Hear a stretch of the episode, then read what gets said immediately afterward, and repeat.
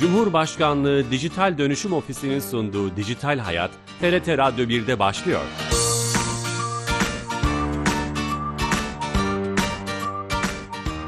Herkese merhaba, ben Bilal Eren. Teknoloji ve dijitalleşmenin hayatlarımızı etkilerini her hafta bir başka konuyla ele aldığımız Dijital Hayat programımıza hoş geldiniz. 6 Şubat'tan beri deprem odaklı konuları gündem yapmaya bu haftada devam ediyoruz. Hem insanlık hem de dünyamızla ilgili konularda gerekli olan kritik ekonomik kaynakları, blok zincir tabanlı teknolojileri kullanmayı öneren ReFi kavramını deprem dayanışması kapsamında konuşmak istedik. Yepyeni bir kavram bu. Bu, e, bu konuyu NeoFi kurucu ortağı Han Tüzün'le konuşacağız. Kendisi telefonla canlı yayınımıza bağlanacak. Bu, bu önemli e, felsefeyi konuşmaya çalışacağız. Ama öncesinde her hafta olduğu gibi kamunun tüm hizmetlerini bizlere dijitalleştirerek sunan Türkiye Gov.tr'den bir hizmeti Dijital Türkiye ekibinden Ayşe Torun'dan dinleyeceğiz. Ayşe Torun telefon attığımızda. Ayşe Hanım. Bilal Bey iyi yayınlar. Hoş geldiniz yayınımıza. Teşekkür ederim. Söz sizde efendim. Teşekkürler Bilal Bey. Ee, bugün yine e, malum ülkemizin içinde bulunduğu zor durumla ilgili bir hizmetten bahsedeceğim sizlere. Ee, yine AFAD'la yapmış olduğumuz e, bir çalışma kapsamında e, bir hizmetimiz var. E, biliyorsunuz e, ülkemizde çok ciddi bir yıkım oldu ve e, bu yıkımdan dolayı e, malum birçok vatandaşımız evlerini taşımak zorunda. E, AFAD tarafından e, evlere hasar almış tüm kullanıcılarımıza aslında tüm vatandaşlara e, kendi evleriyle ilgili hasar tespiti yapıldı ise taşınma yardımı altında adı altında 15 bin TL ödeme yapılmakta. Bu hizmette ilgili olarak da 15 bin TL'lerini kişiler afetzede barınma desteği taşınma ödemeleri hizmetinin altından sorgulayabiliyorlar. Bu çok önemli. E, bütün o depremzede vatandaşlarımız Dijital Türkiye ekibinden e, e, platformundan ekibinin yardımıyla oluşturduğu platformdan bu sorgulamayı yap yapabilirler. Çok teşekkür evet. ederiz. Teşekkür ediyorum. İyi yayınlar diliyorum. Sağ olun. Teşekkürler. Evet. Dijital Türkiye ekibinden Ayşe Torun'la beraberdik. Yeni katılan dinleyicilerimiz vardır. Blok zincir tabanlı yeni bir e, teknolojiyi, felsefeyi konuşacağız. ReFi. E, telefon attığımızda Han Tüzün var. Han Bey. Bilal Bey. Iyi Hoş geldiniz yayınımıza. Hoş bulduk. Teşekkür ederim. Teşekkür ederiz. Çok heyecanlıyız. Farklı bir konu. E, deprem odaklı dayanışmaya kripto desteği olarak e, duyurmuştuk. İlk önce ama belki tanımla başlamak lazım.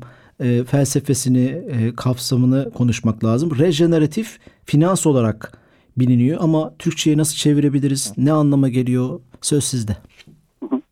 Ee, Türkçesi onarıcı finans. Ee, regeneratif finansın kısaltması olarak ReFi olarak e, genelde kullanıyoruz. Daha önce planlamıştık aslında bu programı. Hı hı. Fakat onarıcı finansın e, amacı insanlığa yardım eden blok zincir projeleri olduğu için aslında deprem e, faaliyetleri, deprem üzerine onarıcı faaliyetlerde ReFi'nin kapsamında. O yüzden e, bu programı da e, ReFi'nin öncelikle bir genel tanımı sonra da deprem üzerine örneklerini e, konuşarak daha fazla devam edeceğiz. Hı hı. E, blok zincir biliyorsunuz 14 e, yıldır artık e, gelişen bir teknoloji ve e, sürekli yeni olanaklar, yeni organizasyon yapıları, yeni mekanizmalar e, sağlıyor ve üzerine çok hızlı bir inovasyon mevcut. Hı hı. Bunun üzerine e, sürekli işte yeni kapılar, yeni felsefeler, yeni kullanım alanları açılmıyor. E, bunlardan güncel olan ve çok hızlı büyüyen yeni bir dikey de ReFi. Yani gerçekten insanlara yardım sağlamaya yönelik tasarlanmış kripto projeleri. Bu aslında e, o normalde de olan bir disiplin, aslında genç bir disiplin olan onarıcı finans ve e, işte yine benzer e, bir geçmişe sahip olan yaklaşık işte 10 yıl geçmiş var. Kripto finansın bir kesişimi. Kriptonun bize sağladığı daha transparan, e, güvenilir, e, daha takip edilebilirdir e, ve deney yapmaya müsait olan e, olanaklarla nasıl insanlığa fayda sağlayacağımız üzerine şu an çok hızlı bir inovasyon mevcut. Hı hı. Hatta e, programın sonunda değineceğimiz üzere deprem üzerine dahi çok büyük faydaları var. E, ve yani önümüzdeki yıllarda, 5 yılda, 10 yılda e, gerçekten birçok insanın hayatına doğrudan böyle etki edecek. Kripto kullanıcısı olmayan insanların hayatına gerçekten kripto mekanizmaları sayesinde etki bir ekosistem oluşuyor şu.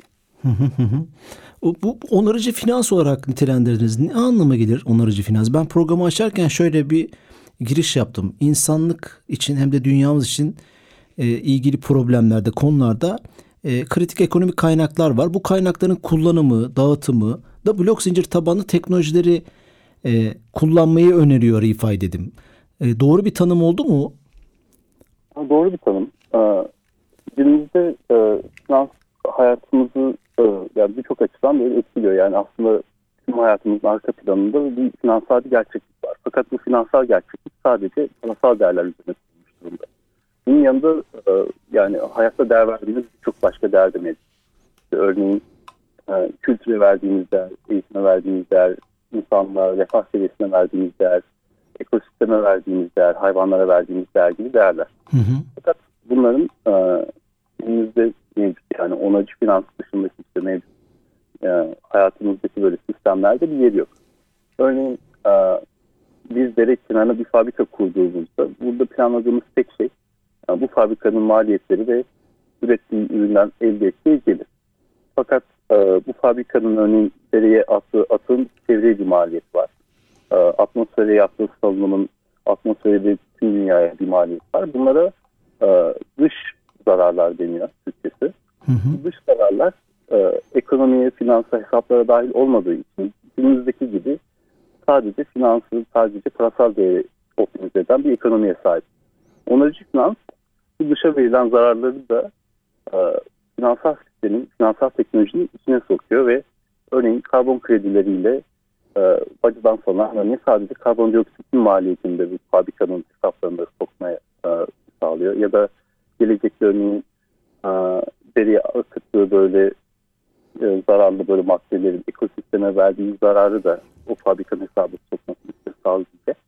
Ve bu sayede e, tabii ki ekonomik e, gelişim hızla büyümeye devam edecek. Fakat daha bütüncül bir şekilde e, bütüncül faydalar sağlayarak sadece finansal bir e, düşünerek diğer böyle e, değerleri ya da yarattığı zararları böyle göz önünde bulundurmadan e, şu anki bir alternatif bir yaklaşım getiriyor. O zaman şöyle diyebiliriz. Bir bardak üretiminin, bir araba üretiminin maliyetin içine aslında çevreye verdiği, insanlığa verdiği, dünyamıza verdiği zararların da eklenmesi anlamına mı gelir? E, Refi bunu mu felsefe ediyor, bunu mu kapsıyor? Öyle diyebilir miyiz? Ee, örneğin yani şu anda konuştuğum telefonun e, işte, maliyetine o telefonun işte üretim sürecindeki birçok sebep olduğu zarar dahil değil. Doğru. Ee, bunların da böyle dahil edilmesi gerekiyor aslında insanlık olarak daha verimli ve sürdürülebilir bir geleceğe gitmemiz için. O, dolayısıyla o, o bu buradaki maliyetin tekrar onarıcı bir şekilde yaptığı zararların telafisi için de kullanılması lazım. Peki şirketler, devletler veya organizasyonlar e, buna nasıl izin verecek? REFI ile izin verecek. Böyle mi anlamalıyız? Genel onarıcı finans zaten yani hem işte hükümetlerin, vatandaşların, şirketlerin aslında farkında oldukları, yapmak istedikleri bir, bir, bir, bir bakış açısı aslında. Bunun temelinde de e, en temelinde aslında kitlesel bir farkındalık yatıyor. E, örneğin günümüzde e, karbon kredileri piyasaları var. E, kimi ülkelerde resmi bunun piyasaları var. Türkiye'de de planlanıyor. E, Türkiye'de örneğin şu an sadece gönüllü karbon piyasaları var.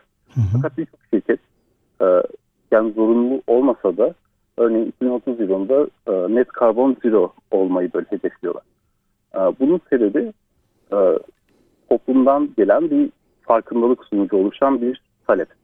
Örneğin Apple 2030 yılında sadece ve sadece böyle bir toplumsal farkındalık ve böyle bir talep oluştuğu için e, çevreci ve örneğin karbon nötr olma vizyonuna sahip. O yüzden bu konuda farkındalık yaratmakta bayağı mühim. O, o, bu oluşan maliyetin harcanması. Hatta programdan önce e, bir e, makale okumuştum. Amerika'da Avrupa Birliği'ndeki Yeşil Mutabakat Eylem Planı'nın içinde e, bir karbon kredisi e, bir ödül sistemi varmış ve bu refi e, blok zinciri üzerine kayıtlarını tutup bir refi sistemidir diyor. Bu örnek bunu karşılar mı? Örneğin karbon kredileri merkezi hükümetlerin ya da şirketlerin, karbon sertifikası şirketlerinin sağladığı bir sertifika sistemi.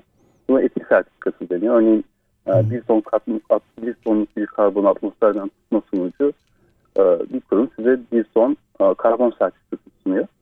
Bu kısmı onarıcı finans kapsamına gidiyor. Fakat kripto ekonomik mekanizmalarla, yaklaşımlarla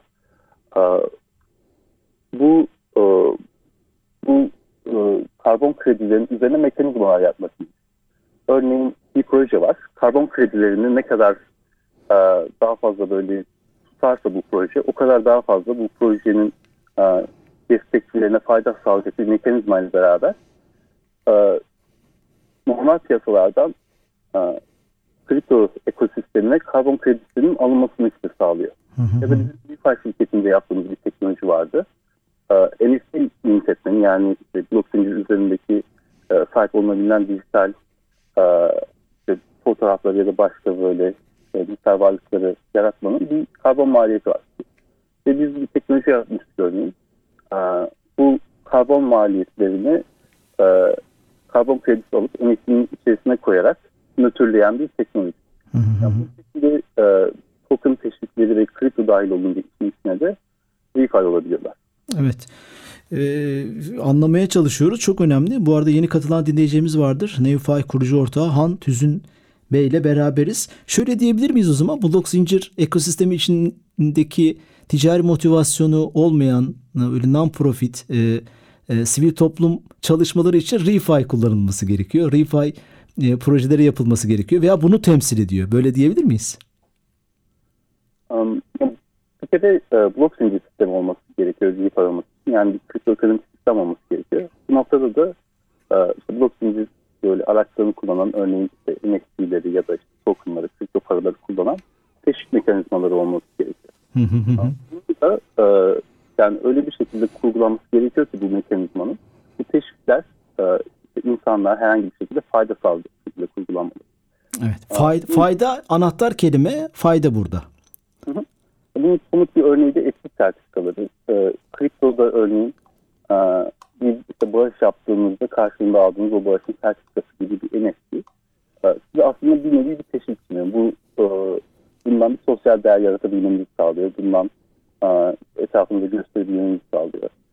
E, bunun hatta böyle daha ileri vadeli vizyonu da şu. Bu etik sertifikaları örneğin e, 100 dolarlık bir bağış yaptım onun böyle işte karşılığında aldığımdan ziyade o yaptığınız ne kadar büyük bir etkiye sebep oldu. Belki 100 dolarlık bir bağış yaptınız ama onu işte kritik bir şekilde yaptınız, doğru bir yere, doğru zamanda yaptınız ve çok büyük bir etkiye sahip oldu. Bu şekilde yaptığınız bağışların, katkıların kayıtları e, zincirde herkes açık, transparan bir şekilde bulunduğu belki de ileride bu etki sertifikaları e, yani size finansal bir getiri daha getirebilir. Çünkü şöyle, ileride bir e, organizasyon işte geçmişte doğru yerlere işte bağış yapmış ve e, bunun sonucunda büyük bir etki yapmış işte, kişiler organizasyonları ödüllendirebilir. Bunun örnekleri de var. Bu da şöyle bir geleceği aslında sunuyor. Sadece işte etki yaparak yani işte doğru etki yaparak ya da bu etkileri kanalize ederek gelecekte bunların üzerine e, gerçekten böyle karşılığını alabileceğimiz bir ihtimal ortaya çıkıyor. Bu ileri seviye bir konsept ve adı da Interactive Funding. Ee, İlgilenen izleyicilerimiz dinleyebilirler. Aslında yardım yapanları veya dayanışma içinde olanları, insanlık için, dünya için ki depreme geleceğim biraz sonra daha çok ilham ve daha çok motive, motive olmalarını sağlayacak bir şeyden bahsediyorsunuz e, anladığım kadarıyla.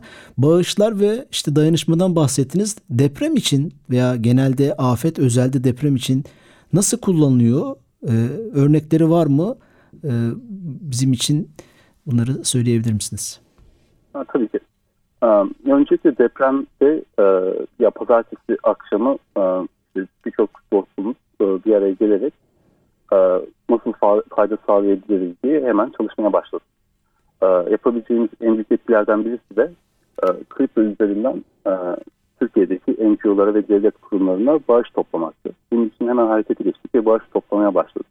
Ertesi günü e, Ahbap'ın Masak ile görüşmesine vesile olduk ve öncelikle Ahbap'ın daha sonra diğer NGO'ların, diğer sivil toplum kuruluşlarının kripto parayla ödeme almalarını sağladık. ardından Türkiye Relief DAO ismiyle biraz etek kemiğe büründü. E, Türkiye ReliefDAO.com'dan bakabilirsiniz. Hı hı hı. Bu platform üzerinde Türkiye'de deprem özelinde yardım edilebilecek tüm kurumların hem banka hesaplarına, kredi kartıyla bağış yapılma e, linklerine ve kripto para hesaplarını böyle e, yabancılara e, yönelik doğru bir şekilde listeledi. Ve bunun sonucunda e, özellikle işte kendi çabalarımızda işte büyük kripto şirketlerindeki böyle arkadaşlarımızla böyle iletişime geçerek onların da e, bu organizasyon duyurmalarını sağlayarak toplamda yaklaşık 20 milyon dolar gibi bir para Türkiye'deki e, sivil toplum kuruluşlarına özellikle aktarıldı. Bunun, e, Bu peki bir şey soracağım Han Bey. Bu e, kripto para hesaplarının açılması ve buradaki organizasyon Kızılay'ın, Ahbat'ın, e, AFAD'ın, Ahbap'ın ve diğer organizasyonların sosyal medyada kripto hesaplarını vererek bağış topladıkları e, hatta bu konuda bir baskı olduğu e, sokaktan bu da çok kıymetli. Bu bir refi projesi mi olmuş oldu? Tam olarak e, bir refi e, projesi değil. Çünkü burada sadece bağışlar işte toplanıyor. Ve bunun üzerine e, kripto ekonomik teşvikler yoktu. Yani bu bağışların yapılması üzerine teşvikler yoktu çoğunlukla. Fakat bu sitede de var birkaç örneği. E, NFT'ler örneğin e, bağış bir araç olarak yaratılmış kısa süre içerisinde yine. Yani bağış yapıyordunuz ve karşılığında NFT alıyordunuz. Bu noktada burada bir e, yani bir kripto ekonomik bir teşvikten bahsetmek konusu. Çünkü o NFT'yi tutarak e, bağış yaptığınızı kanıtlıyorsunuz ve sadece bağış yapmanın ötesinde de bir teşvike sahip oluyorsunuz. Ama e, asıl e, DeFi'nin token mekanizmalarına mesela örnek verecek olursak bir tane yaptığımız ürün e, insanların istedikleri yere bağış yapabilmelerini ve o bağışın da e, başka işte eşleri dostları tarafından matchlenmesi yani e, eşlenmesini sağlıyor. Örneğin ben ihtiyaç haritasına bin dolarlık bir bağış yapabilirim. Hı hı. Fakat platform üzerinde örneğin bin dolarlık bir ihtiyaç haritasına bir bağış yapmanın havuzunu açıyorum.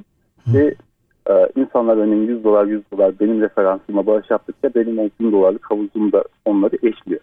Ve böylece hem ben bin dolarlık bir maliyette hem bunu duyurarak işte 2000 dolarlık bir bağışa vesile oluyorum. Hem de benim mesela 100 dolar 100 dolar benim havuzumdan harcayan insanlar da benim havuzumdan bağış yapanlar da yani 100 dolar bağış yapıyorlar ama benim de onun 100 dolar eşlememi garanti etmiş oluyorlar. Müthiş. Aynı zamanda bu hani şeyin de ruhuna da çok uygun işte merkeziyetsiz olması, şeffaflık, güven, sürdürülebilir olması gibi kavramları da yurt dışından örneğin Türkiye'deki afete yardım etmek isteyenleri için bir güven de oluşturuyor değil mi? Öyle söyleyebilir miyiz? Evet, e, bunun için de Ankara Relief isimli bir e, organizasyon kuruldu yine çevremizden, bizim komünitemizden. Hı hı. Ve bu organizasyon da örneğin e, yabancı işte birçok özellikle işte kripto e, varlıklarına sahip olan kişiler, kurumlar Türkiye'deki NGO'ları ve devlet kurumlarını bilmiyorlar. Doğru. bildikleri kişilerden gerçekten kriptoda böyle e, önemli kurucuların kontrolünde altında olan e, bir cüzdana bağış topluyor Anka. Ve bunu ondan sonra NGO'lara böyle dağıtıyor ve burada işte doğrudan örneğin Ahbaba ihtiyaç haritasına Akusa AFA'da e, yani bağış yapmaya çekinen kişiler için güvendikleri bir organizasyona ve onların beraber karar verebilecekleri bir şekilde e, paraları kontrol etmesine güvenebiliyorlar. O çok önemli. Evet yardımda o güven hissi çok kıymetli. Peki gelecekle ilgili biraz konuşalım. Ee, belki hazırlık anlamında da bize ışık tutacaktır. Şimdi olası İstanbul depremi için refi nasıl kullanılabilir? Ee, bu konuda adımlar atıyor musunuz? Bu konuda e, hem komünitemizden eforlar var. Örneğin e, bu yardım toplama eforlarını daha böyle sistematik ve planlı bir şekilde böyle hazırlayıp örneğin muhtemelen İstanbul depreminde e, işte pazartesi günü yaptığımız gibi böyle bir kaotik bir şekilde hızlı bir şekilde yapmaktan ziyade olan bir sistem üzerine şu anki yaptığımız çalışmanın üzerine bir kurgu yapmak e, istiyoruz. UFI olarak da daha da e, ilginç bir e, projemiz var e, yapma ihtimalimiz mevcut. O da küresel bir, uluslararası bir afet kurtarma organizasyonu. E, bu afet kurtarma organizasyonu örneğin e, NFT'ler ve etki sertifikaları vererek kendisi bir bağış toplayacak öncelikle bir hazinesi olacak. Ve bu hazineyi e, bu bağışçılar yönetecek. Örneğin bu hazinenin yüzde biri kadar siz bağış yapmışsınız buraya. Yüzde biri kadar kontrol sahibi olacaksınız bu paranın nasıl kullanılacağı üzerine verilen kararlarda. Organizasyon örneğin e, anlaştığı arama kurtarma organizasyonlarıyla insanların eğitim almalarını teşvik ediyor. Bunu da yine örneğin e, NFT'ler ya da kripto paralar vererek teşvik edecek. Diyelim ki Türkiye'de Akut ile anlaşacak ve e, işte Akut'tan eğitim alan kişilere bu platformada kaydolmaları şartıyla örneğin 100 dolar gibi bir, bir para verdi. Daha sonra bu organizasyonun ileri vadede ya gerçekten böyle e, işte, e, bayağı kurgusal bir aşamada şu anda bu. İleri vadede e, eğitim verdiği e, bir topluluğu olacak. Yüzlerce, binlerce, on binlerce belki daha fazla dünyanın çeşitli ülkelerinde. Ve örneğin İstanbul'da bir deprem olduğunda bu e, organizasyon oylayarak karar verdi.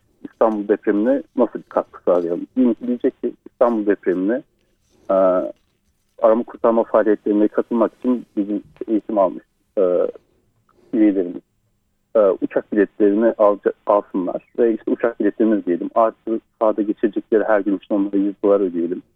Artı hazinemizdeki ve işte depolarımızdaki arama kurtarma araçlarını lojistik uçaklarıyla İstanbul'a götürelim. Ve yani böyle bir organizasyon sonucu sadece kripto teşvikiyle kurulmuş bir organizasyon sonucu e, İstanbul'da sahada binlerce arama kurtarma görevlisi uluslararası bir organizasyon yardım edebilir. Müthiş. Şeyden bahsettiniz topluluğunuzdan. Son bir dakikada şunu sormak isterim. E, Rifai Hareketi'nin e, bir topluluğu varsa bunu hemen duyuralım. E, dinleyenler, merak edenler size katılsın. Evet. E, bu kripto ekosistemi de Rifai'de hep böyle dağıtık e, fakat böyle birbiriyle koordine olan böyle kişilerden, organizasyonlardan oluşuyor. Türkiye'de Akbank'ta imajının ortak bir iştirakı olan Refi Türkiye bu konuda çok büyük bir değer katıyor. E, Refi, R-E-F-I, Türkiye, Türkiye.com bu adreste ulaşabilirsiniz.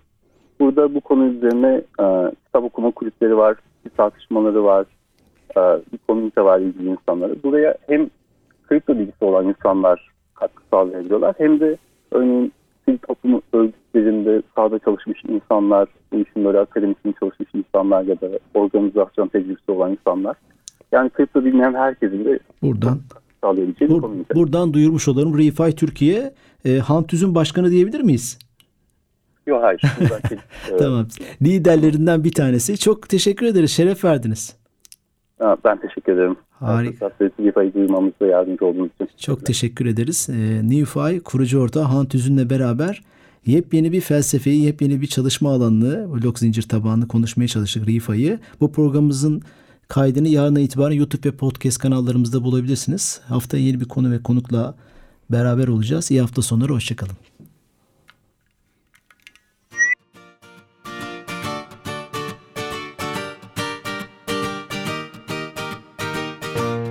Cumhurbaşkanlığı Dijital Dönüşüm Ofisi'nin sunduğu Dijital Hayat, TRT Radyo 1'de sona erdi.